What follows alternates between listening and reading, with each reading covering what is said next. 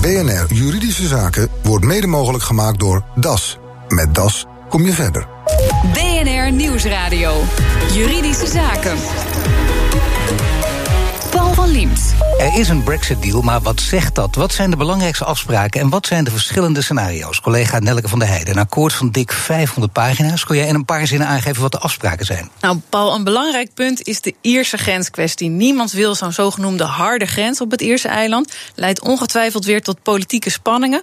Maar die grens zou wel het gevolg zijn van het uittreden van het Verenigd Koninkrijk uit de Europese Unie. Dus in dit akkoord is nu afgesproken dat het VK voorlopig bij de douane-Unie blijft. In elk geval zolang die transitieperiode duurt, zodat die grens open blijft. Eigenlijk is dus min of meer afgesproken dat een afspraak hierover wordt uitgesteld. Nou, dat zie je ook bij de visserij. Beide partijen komen er niet uit of Europese vissers in Brits water mogen vissen. En daarom is nu afgesproken dat een beslissing hierover nog volgt. En de Britten moeten voor een afscheid betalen. Ja, dat is een ander gevoelig punt. En daar hebben de Britten verloren. Het gaat ons geen cent kosten, hoorde je wel regelmatig. Maar ze blijven gewoon meebetalen, in elk geval tot 2020, aan de Europese begroting. En dat betekent een rekening van 39 miljard pond. Nou, een ander goed nieuws zou je kunnen zeggen. Europeanen mogen in Groot-Brittannië blijven wonen en werken. En de Britten mogen dat in de EU.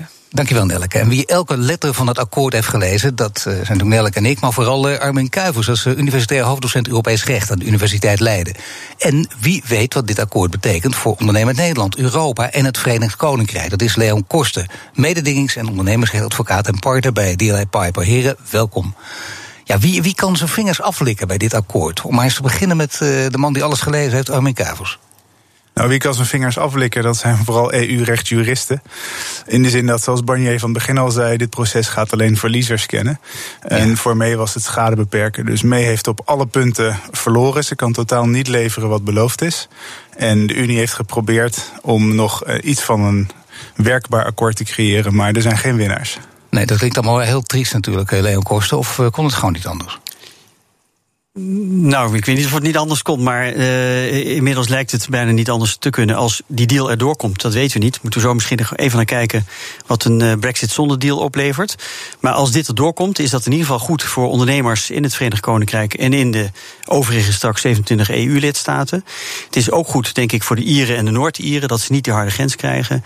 Het is in ieder geval ook goed voor de 4 miljoen EU-burgers die in het VK en in de EU wonen en elkaars nationaliteit hebben, die kunnen um, daar blijven wonen en werken waar ze dat nu doen als ze dat willen. Als we echt uh, alleen naar het juridische deel kijken, zou geen Brexit uh, juridisch gezien nog kunnen? Dat kan zeker, want als de withdrawal agreement niet geratificeerd wordt, uh, of door de 27 lidstaten afgewezen wordt. nu even normaal? Als de deal die er nu op tafel ligt niet formeel geaccepteerd wordt. Ja. Sorry, dan uh, is er dus een, uh, een, een, zeg maar een hard Brexit zonder deal. En uh, dan zit je in het cliff edge scenario en heb je geen regels. In welk scenario? In cliff edge scenario. Dat je geen regels hebt om de overgang naar de, de uittreding uh, op te vangen. Ja, dus een, een harde brexit zou zeker kunnen. Als, er zijn nu momenteel nog drie ja. opties. Als dit akkoord er niet doorheen komt, heb je een harde, harde exit met alle verbonden chaos. Ja. Dit akkoord kan er doorheen gewurmd worden. En de derde en de meest sappige vraag voor juristen is: kan het VK nog terug? Op dit punt is precies ja. een prediciële vraag gesteld door een Schotse rechter. Wat voor vraag? Een prediciële vraag. Dat is een nationale rechter. Ja.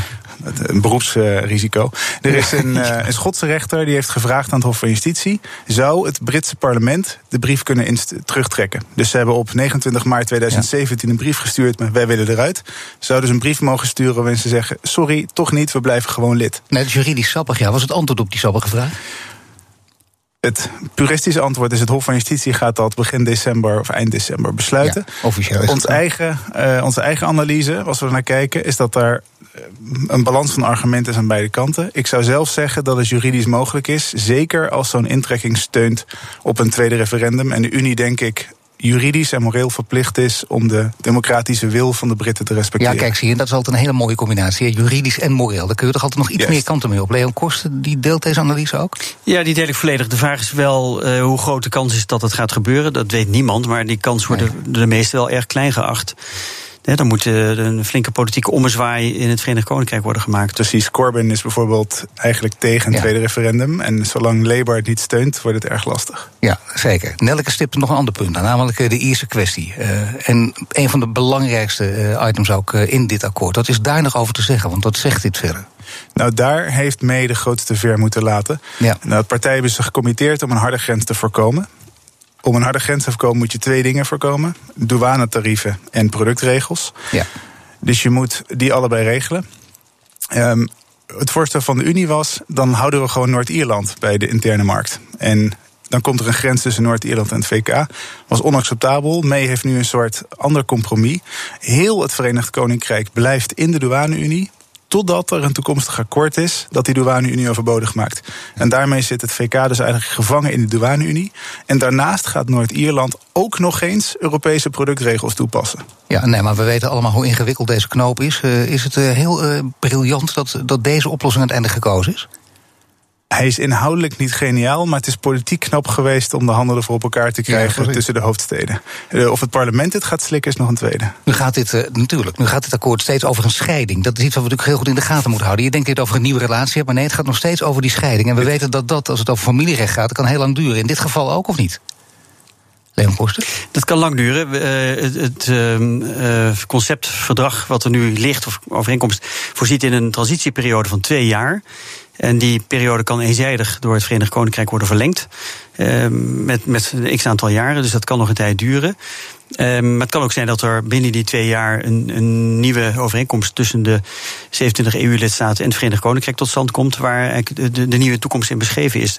Dat is nogal onduidelijk, maar ook in die overeenkomst zal heel veel moeten worden opgenomen. En een tijdspanne van minder dan twee jaar om dat te regelen is heel kort.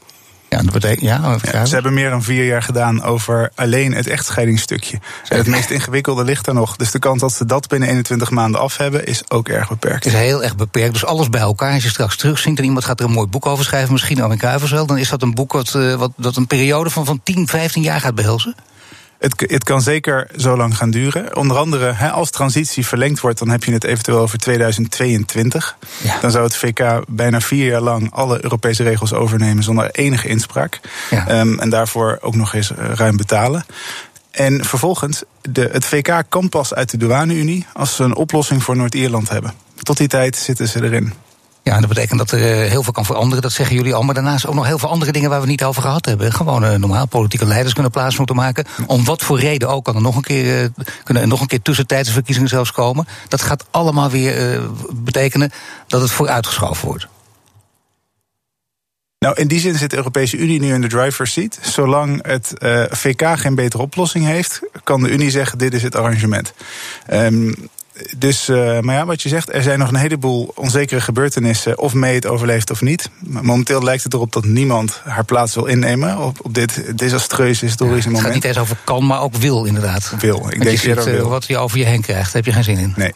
Nee, nee. Het is alsof je, het doet. Alsof je halverwege de slag bij Waterloo tegen Napoleon zegt: Ik neem het wel even van je over. Ga jij maar naar huis. Dit dat is zijn meest... hele grote woorden, dit. Hè? Uh, ja, maar ik denk ook wel dat we het hebben over een historisch échec voor de Britten. Ze hebben een onmogelijke belofte gedaan. Ze gaan hun land schade berokkenen. En de enige vraag is nog hoeveel schade dat gaat zijn.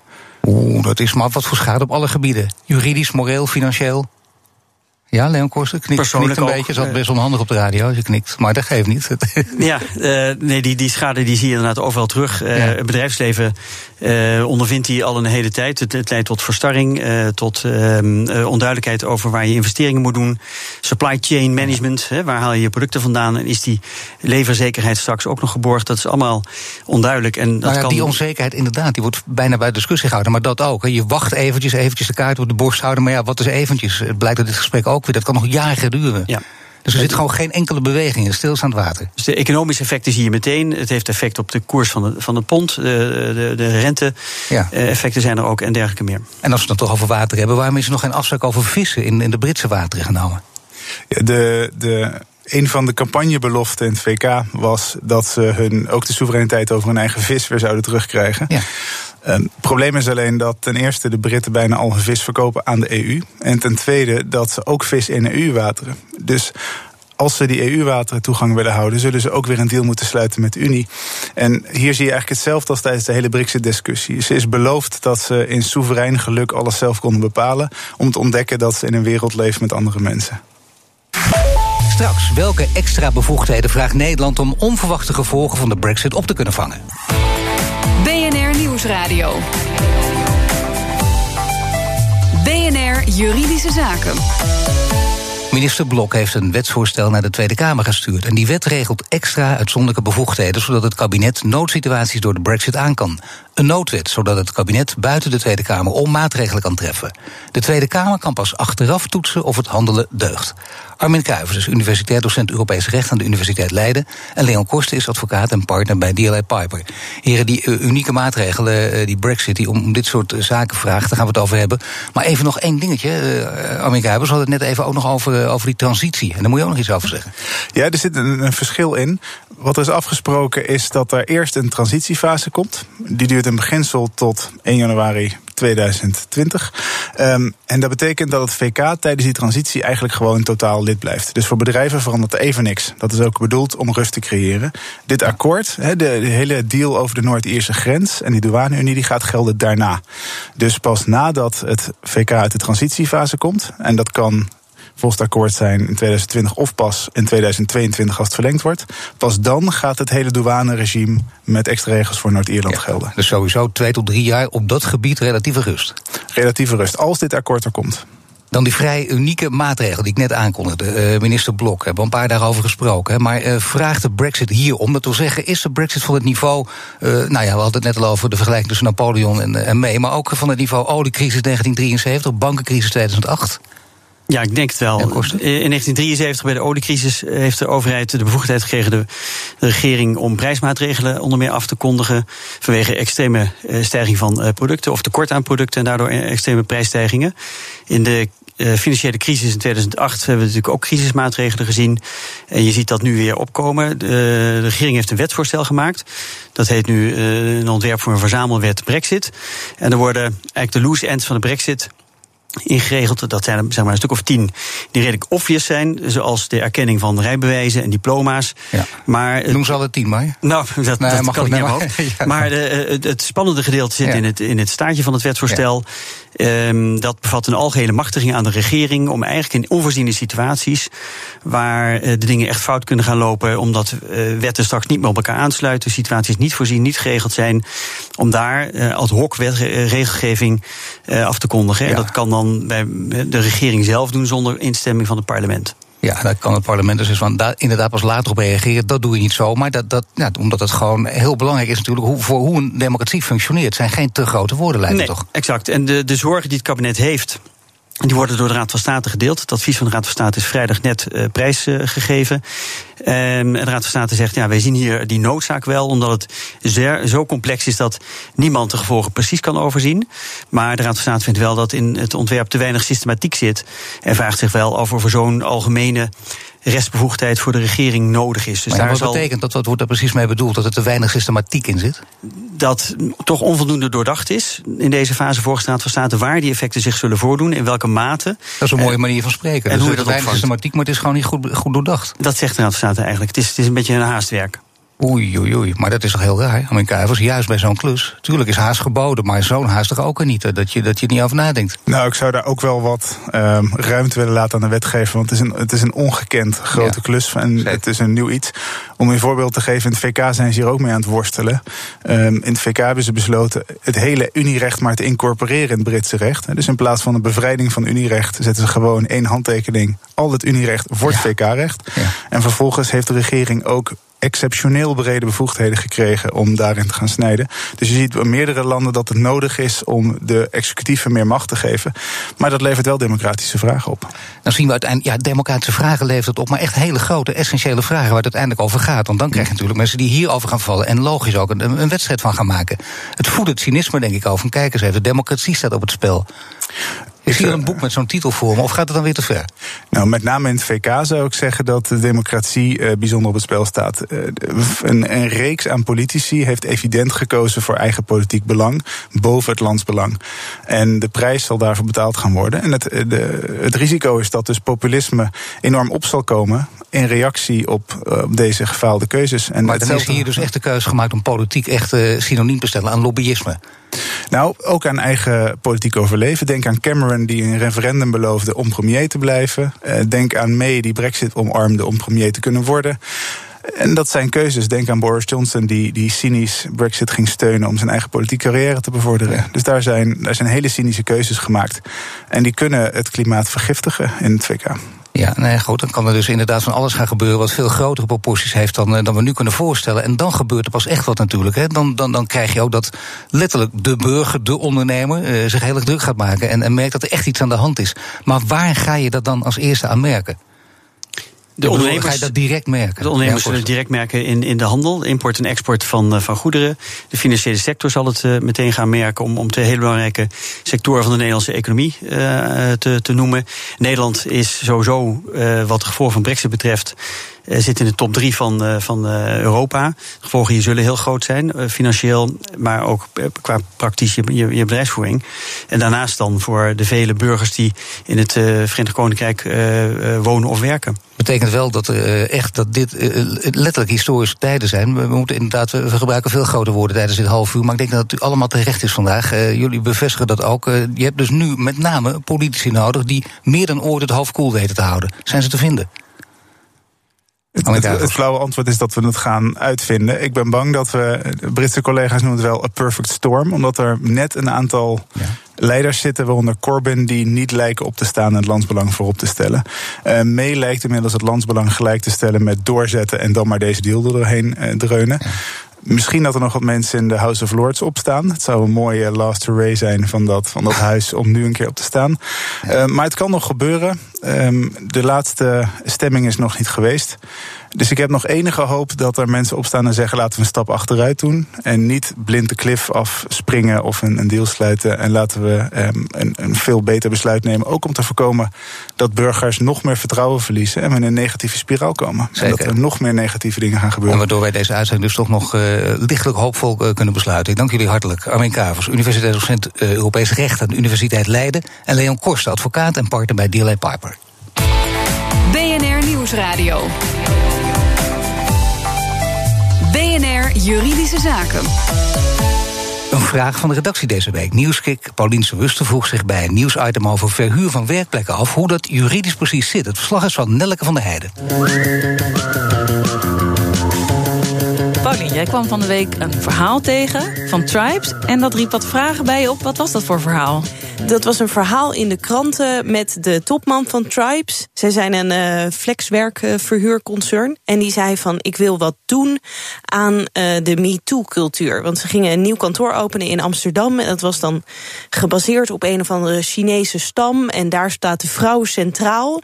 En toen dacht hij van, ik wil hele vrouwvriendelijke kantoren. Dus op het moment dat een van mijn flexwerkers iets van MeToo-gedrag vertoont dan wil ik ervoor zorgen dat ik zomaar zijn huurcontract op kan zeggen.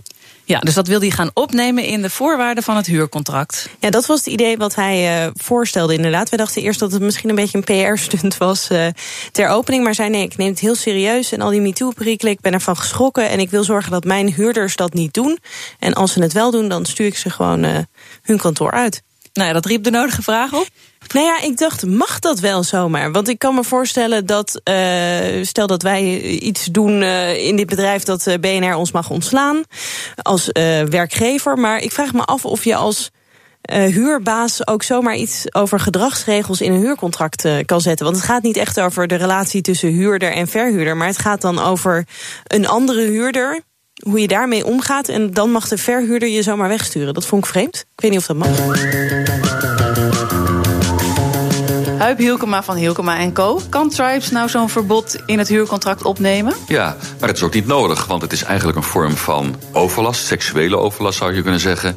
En het is gewoon recht dat de ene huurder de andere huurder geen overlast mag toebrengen. Dus dan moet de verhuurder sowieso optreden. Ja, zeker.